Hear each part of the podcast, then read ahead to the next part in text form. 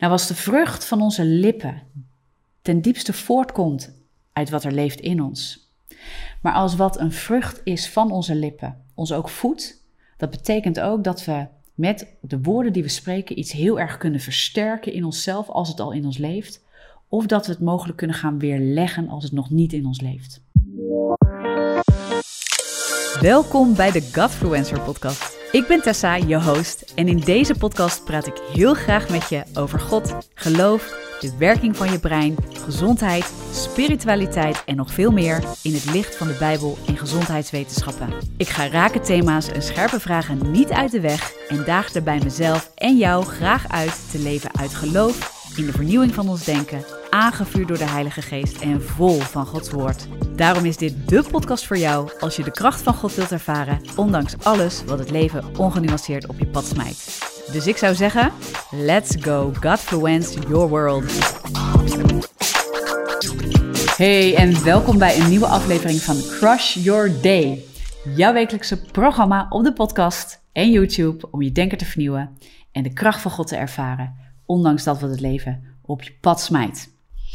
En vandaag wil ik met je induiken op de kracht van woorden over je denken.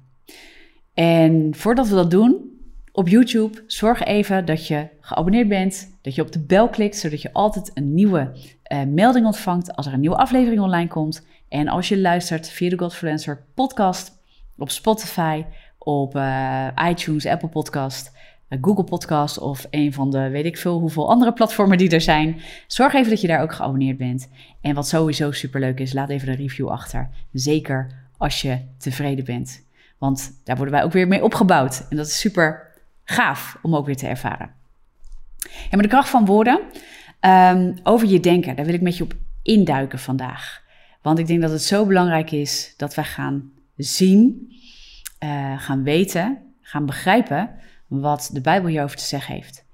Hey, en voordat ik daarop induik, specifiek met, met wat, is, wat doet dat nou de kracht van woorden, wat zegt de Bijbel daarover als het gaat over je denken, uh, ook naar aanleiding van hè, waar we de afgelopen series ook een beetje mee bezig zijn geweest. Uh, over bolwerken afbreken, leugens afbreken in je leven, in je denken. Hè, de, de, bolwerken zitten in je denken, hè, om het daar af te breken. Uh, en waarheid te bouwen, geloof te bouwen in je leven. Dan heeft de Bijbel echt wat te zeggen over de kracht van woorden. Dus er is een, een invloed die woorden daar ook in hebben. En heel even een side note, om het zo te zeggen. Ik weet dat de uitdrukking kracht van woorden uh, iets kan oproepen bij mensen, omdat er um, ook heel veel extreme uh, visies, of niet heel veel extreme, ik denk dat ik dat een beetje te, te extreem uitdruk, wou ik zeggen.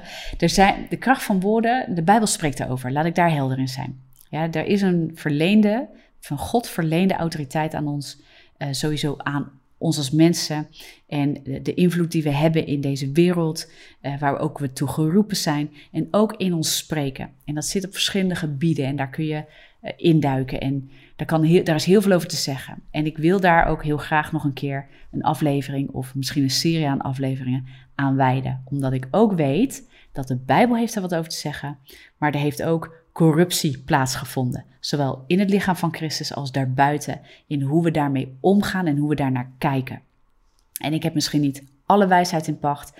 En ik denk dat het goed is dat er verschillende visies zijn. Maar ik denk ook dat het goed is um, dat, dat we ook kijken van hé, hey, uh, er zijn vormen, zowel buiten de christelijke wereld als, als zelfs ook in de christelijke wereld, die neigen zo naar een bepaalde uitleg dat mensen zeggen, ja, volgens mij is dat niet bijbels meer. Nou, daar wil ik vandaag niet te veel op ingaan in wat er allemaal speelt en wat er allemaal is.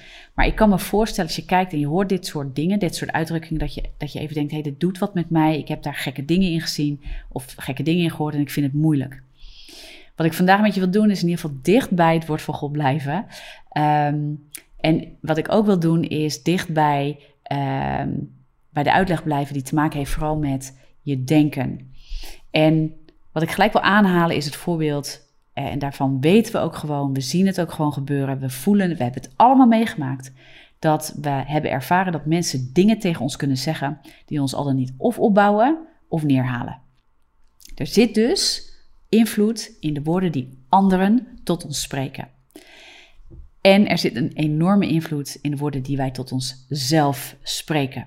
Of dat nou is door onze gedachten, die van binnen tot ons spreken, om het zo maar te zeggen, als de woorden die letterlijk uit onze mond komen, die wij spreken over een situatie in ons leven of over onszelf, hè, hoe wij onszelf zien. Dus daar alleen al kan je in zien, hey, er zit een bepaalde mate van invloed, een kracht die wordt verleend aan woorden, of misschien kan ik het anders zeggen, een kracht die jij en ik verlenen aan de woorden die tot ons gesproken worden. En um, dat is ook een andere, net een andere kijker op, maar woorden hebben kracht op het moment dat wij ook toestaan dat die invloed, hè, die, die gepaard gaat met die woorden, dat wij ook toestaan dat het invloed heeft. En wij kunnen, wij kunnen aannemen als iemand zegt, oh, wat ben je mooi, wat ben je goed hierin, vinden we veel moeilijker om aan te nemen als dat iemand ons neerhaalt. Op de een of andere manier. We zijn veel eerder geneigd om, om aan te nemen uh, negativiteit over onszelf dan positiviteit. Nou, waar, hoe komt dat nou? Hoe zit dat? Hoe werkt dat? Nou, wat, wat mij is opgevallen, is dat um, als de Bijbel spreekt over woorden, het ook heel, heel vaak spreekt over het hart. Ik vind een mooi voorbeeld in Spreuken 4, vers 23. Daar staat: Bescherm of bewaar je hart boven alles, want daaruit zijn de uitingen van het leven. En de uitingen van het leven zijn ook je woorden. Het zijn je emoties, het zijn je gedachten, ik geloof je gedrag. Het zijn de uitingen van het leven. De uitingen van wat in je hart leeft.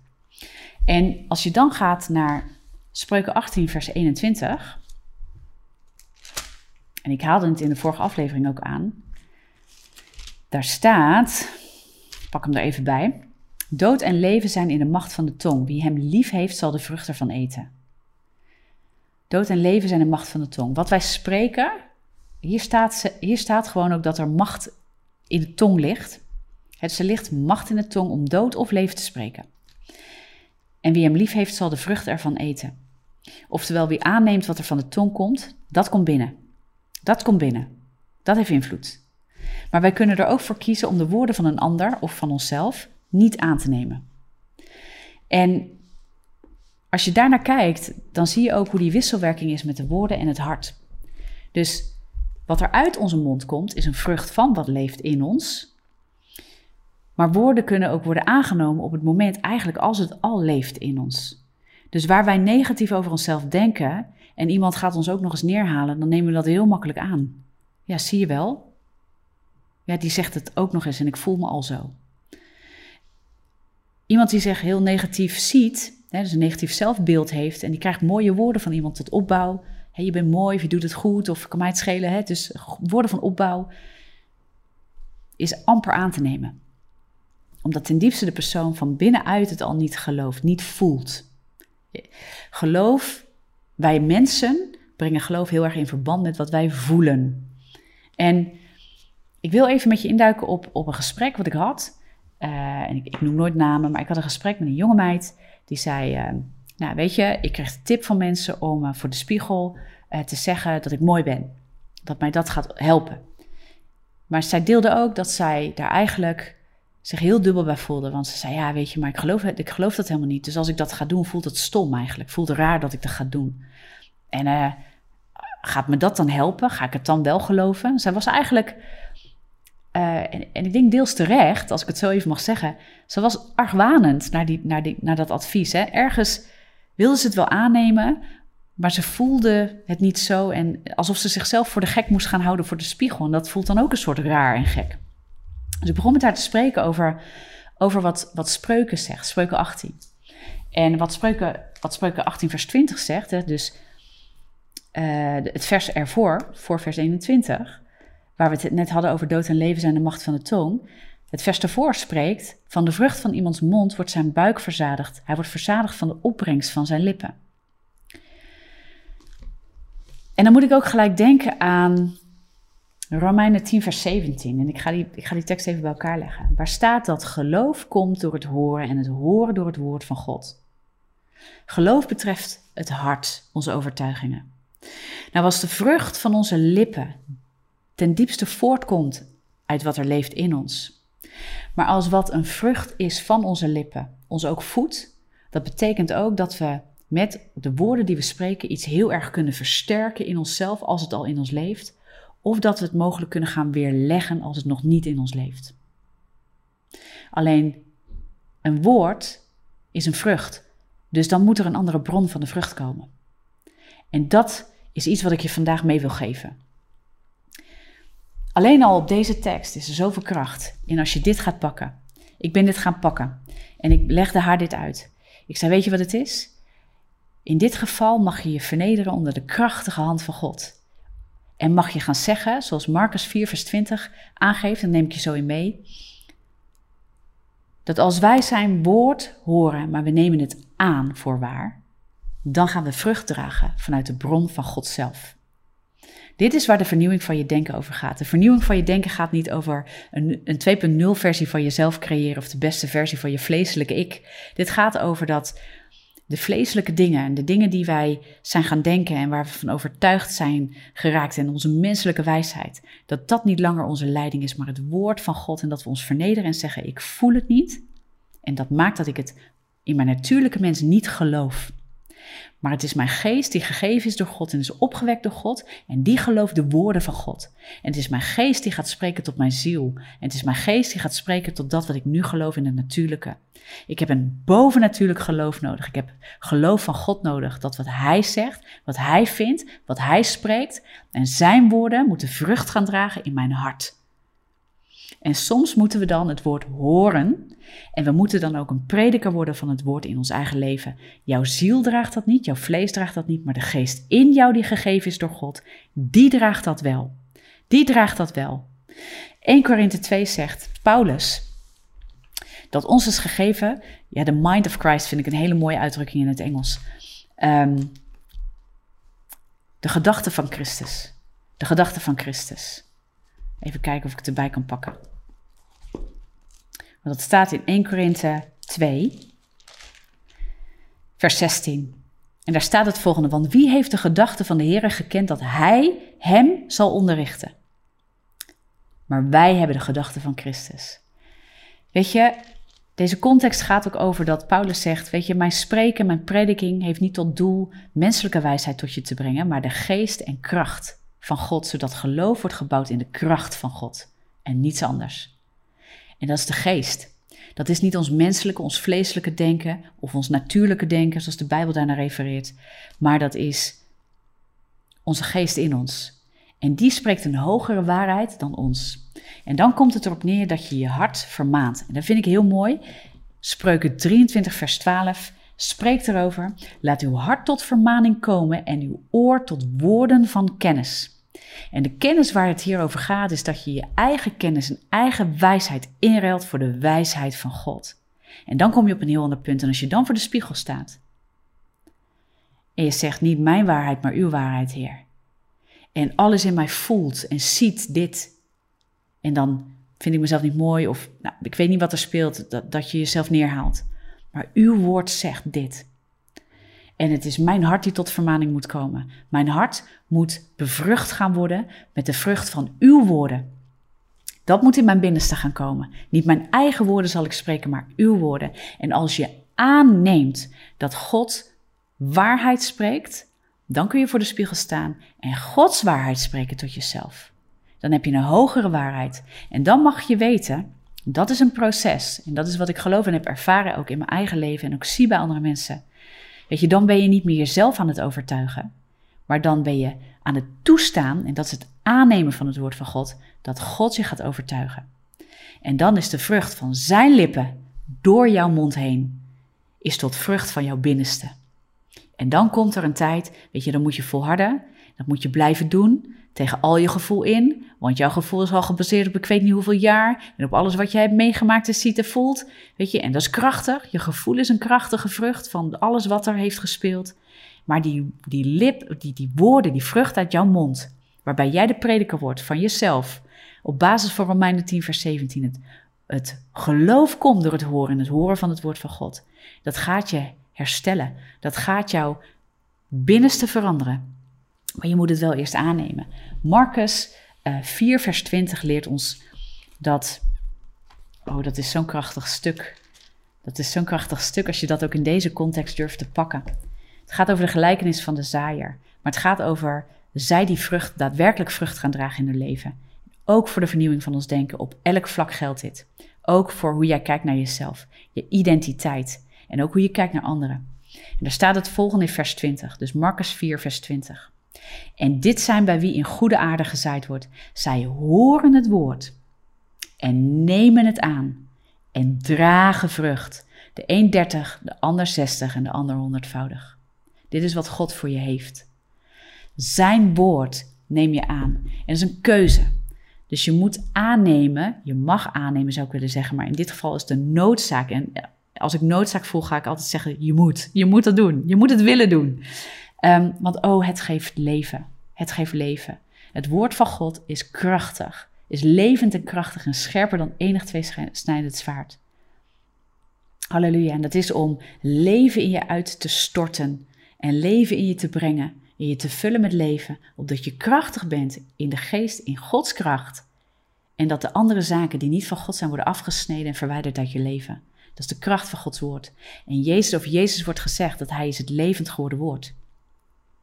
En Hij wil dat je in relatie bent met Hem. Dat je dit niet alleen verstandelijk doet, maar dat je dat van hart tot hart met Hem gaat doen. En dat je als je in de spiegel kijkt, dat je zegt, hé, hey, maar Jezus is in mij. Met Hem heb ik relatie. En Hij spreekt met mij tegen mijn spiegelbeeld. Tegen dat wat ik zie in de spiegel. En Hij zegt dit over mij. En dan is het zaak dat je weet wat het woord over je zegt. dat God je lief heeft. Dat Jezus gestorven aan het kruis voor jou. Omdat jij van waarde voor Hem bent. Dat je mooi gemaakt bent door Hem. Dat Hij jezelf heeft gekozen. Dat soort zaken. Weet je, en het is zo belangrijk om die dingen te horen. En dan is er een periode, ik heb het daar in de, in de afleveringen van bolwerken afbreken, heb ik het als het goed is daar ook over gehad. Dat er een periode is dat we verstandelijk onszelf tot de kennis van God moeten brengen. Wat het zaad is. Ja, dus de vrucht die je eet, is het zaad voor je hart. He, dus de vrucht van Gods woord is eigenlijk ook, he, dus de vrucht van je lippen, die eet je. En dat wordt een zaad in je hart om te gaan ontspruiten. En dat gaat invloed hebben op je emoties, op je gevoel en op je eigen spreken. En dan zal je gaan merken dat je, jij wordt één met Gods woord. Op zo'n moment, hoe meer je dat doet, vanuit een liefde voor Jezus, vanuit een liefde voor wat Hij voor je heeft. Ja, dus niet, als we het verwerpen, dan, kunnen we, dan nemen we het niet aan. Dus het niet aannemen van zijn waarheid, omdat je het niet voelt, feitelijk verwerp je het dan. Maar als je zegt, ik voel het niet, maar geloof komt door het horen van het woord. Het woord van God. En dat zal een vrucht zijn. En dat zal van mijn lippen komen. En die vrucht die ga ik me mee verzadigen. En dat zaad dat gaat, dat gaat opkomen. En dan komt de vrucht. En het ervaren daarvan in je emoties, in je gedachten, in je gemoedstoestand, in je gedrag, in je spreken. Wat, wat je niet meer hoeft te forceren, steeds minder hoeft te forceren, maar wat eigen wordt, wat één wordt met jou. Je gaat je ook voelen zo, dus dan ga je het ook in het natuurlijke hè, wil ik dan bijna zeggen. Je jouw natuurlijke mens die moet sterven. En jouw geest die moet gewoon alle ruimte krijgen in de dingen van God. En dan krijg je echt de renewal of your mind. Dat heeft niks te maken met de 2.0 versie van jezelf worden. Uh, je natuurlijke mens een beetje een upgrade geven. Nee, dit gaat over je geestelijke mens volledige ruimte geven. En je natuurlijke mens die, die in het vlees wil handelen en in de zonde en die, die corrupt is en die wil alle dingen van, van, van de duisternis vasthouden. Ja, die moet je aan de kant schuiven. En dan heb ik het niet over overschreeuwen van alles. Weet je, je bent door pijn ingegaan. Er zijn dingen waarom jij zegt wat je zegt en doet wat je doet en voelt wat je voelt. Maar het is zaak dat je dat als een indicatie ziet en niet als je hoogste waarheid. Het heeft je geleid. Het, het legt misschien de wortel bloot van waar dingen vandaan komen, waar je nog mag verwerken, waar je nog mag delen, waar je pijn en verdriet mag delen met anderen. Maar het moeten ook mensen zijn om je heen en ook jezelf mag je gaan leren te komen tot de waarheid van God in die situatie van je denken. Nou, en als je dat gaat begrijpen, en dan begrijp je ook van hé, hey, maar waarom neem ik de woorden van een ander eigenlijk aan? Waarom komt dat, dat venijn van die ene persoon zo binnen? Maar waarom komen de goede woorden van mensen die geloof in me uitspreken zo moeilijk binnen? Waarom kan ik dat zo moeilijk aannemen? En dan kun je een keuze gaan maken. Dat als je weet van ja, dat is logisch, want ik voel van binnen eigenlijk, geloof ik veel sneller die woorden van negativiteit, omdat ten diepste ik daar al mee verweven ben. Maar ik heb de woorden van geloof nodig en opbouw. En ik ga ervoor kiezen dat aan te nemen met mijn verstand. En ik ga daarop mediteren. En ik ga Gods woord daarbij pakken. En ik ga kijken wat Hij over mij te zeggen heeft. En ik ga me daarin trainen. Ik ga me daarin trainen. Ik ga me trainen in het woord van God. En het lijkt me heel mooi om je in de volgende aflevering eens mee te nemen over dat trainen. Hoe train je jezelf nou daarin? Hoe train je nou met woorden of met gedachten of met emoties? Hoe train je jezelf nou daarin? En vooral specifiek op woorden. Wat doe je dan? En hoe kun je dat zien? Hoe moet je volharden? En misschien kan ik eens met je door wat voorbeelden heen. Maar toen ik dit predikte aan deze jonge meid, toen ging het kwartje veel meer vallen. En dit deed wat, want haar gevoel werd niet ontkend. En het is logisch, weet je, dat zij gelooft wat zij voelt. Doen we allemaal. Onze natuurlijke mens gelooft wat hij voelt. Zo werkt het gewoon. Maar het is onze geestelijke mens die we moeten gaan laten spreken. Want onze geestelijke mens is in Christus. Ja, en die zit aan de rechterhand van God. Die pleit ook voor ons. Maar daar alleen en alleen bij Hem is de mind of Christ te vinden, is de gedachte van Christus te vinden. En de bedoeling is, Hij heeft dat in ons gelegd. Weet je, Hij is in ons. De bedoeling is dat onze geest, weet je, die is reeds opgewekt in Hem, maar die moet ruimte krijgen.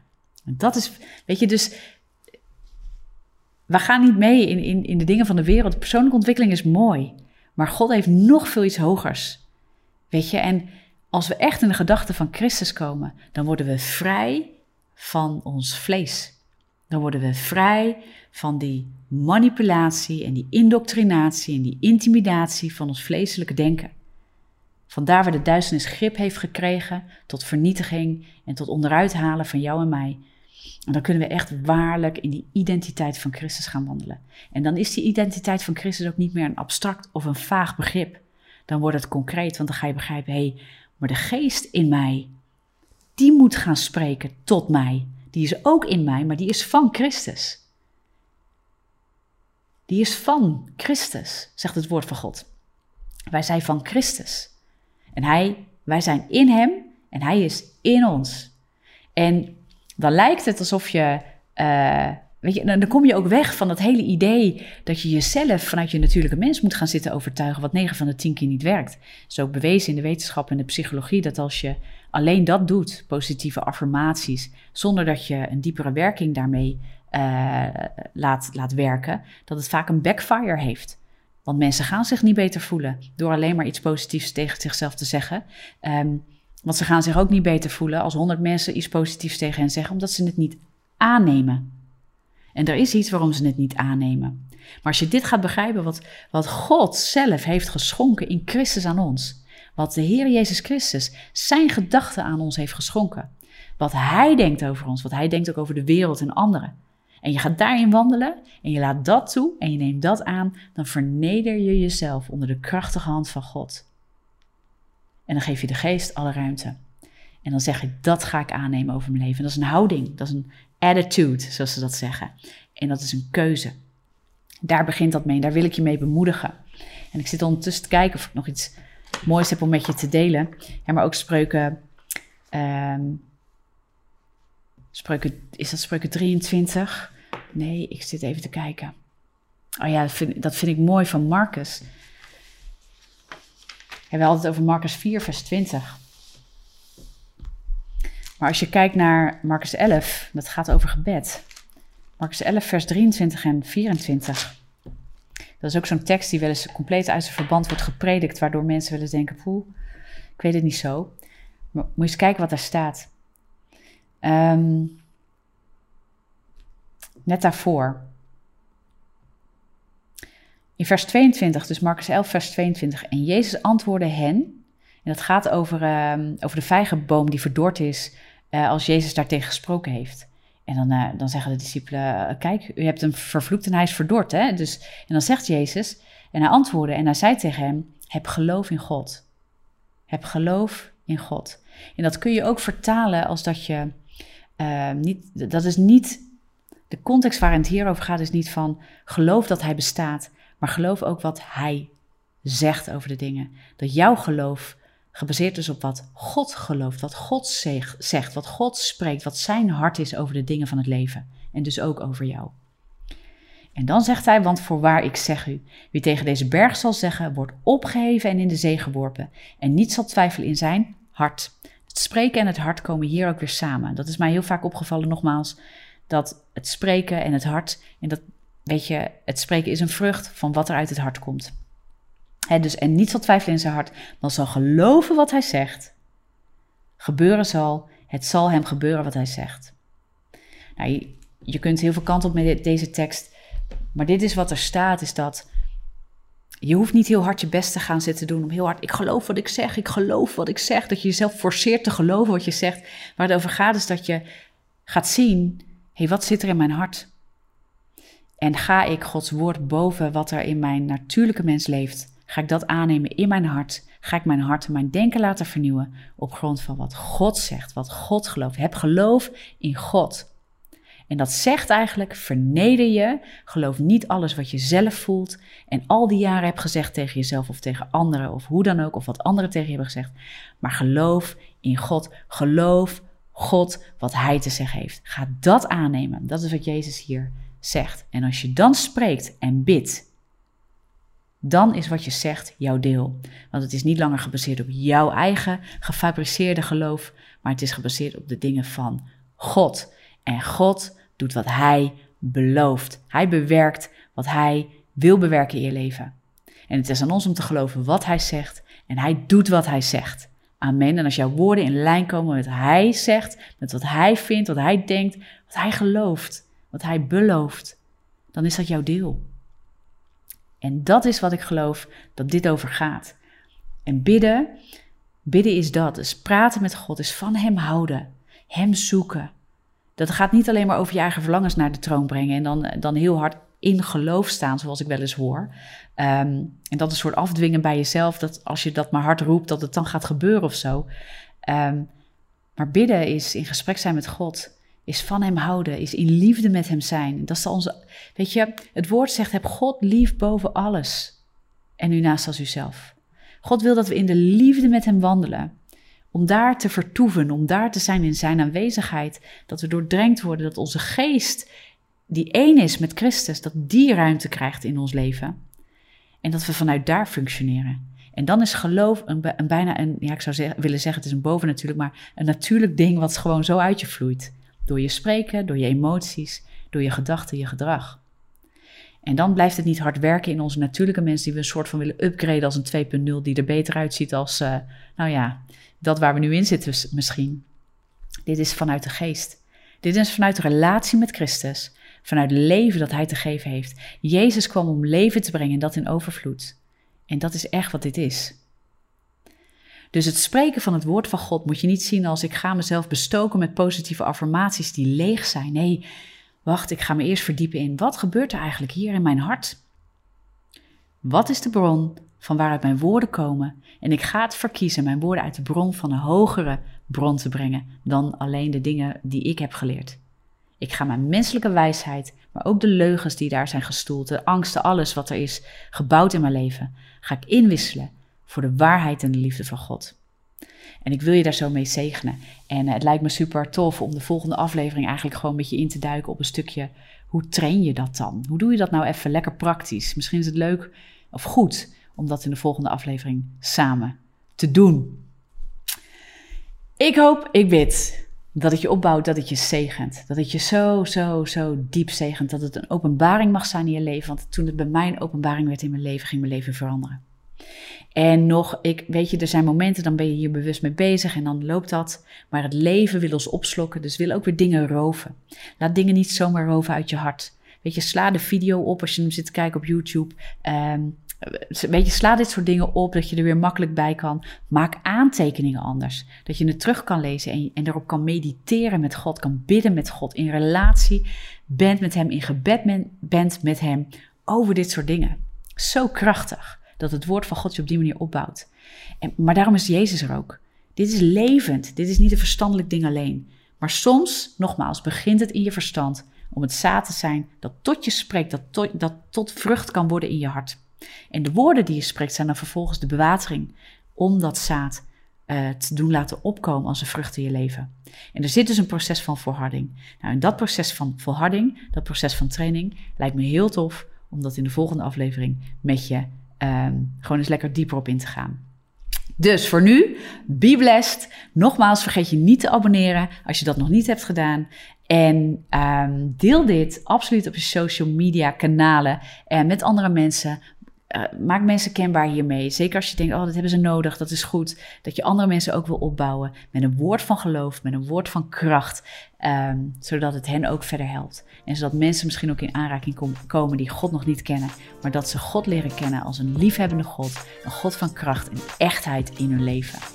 Be blessed. Dat het je zegen nogmaals in Jezus machtige naam. En ik spreek je heel graag in de volgende aflevering.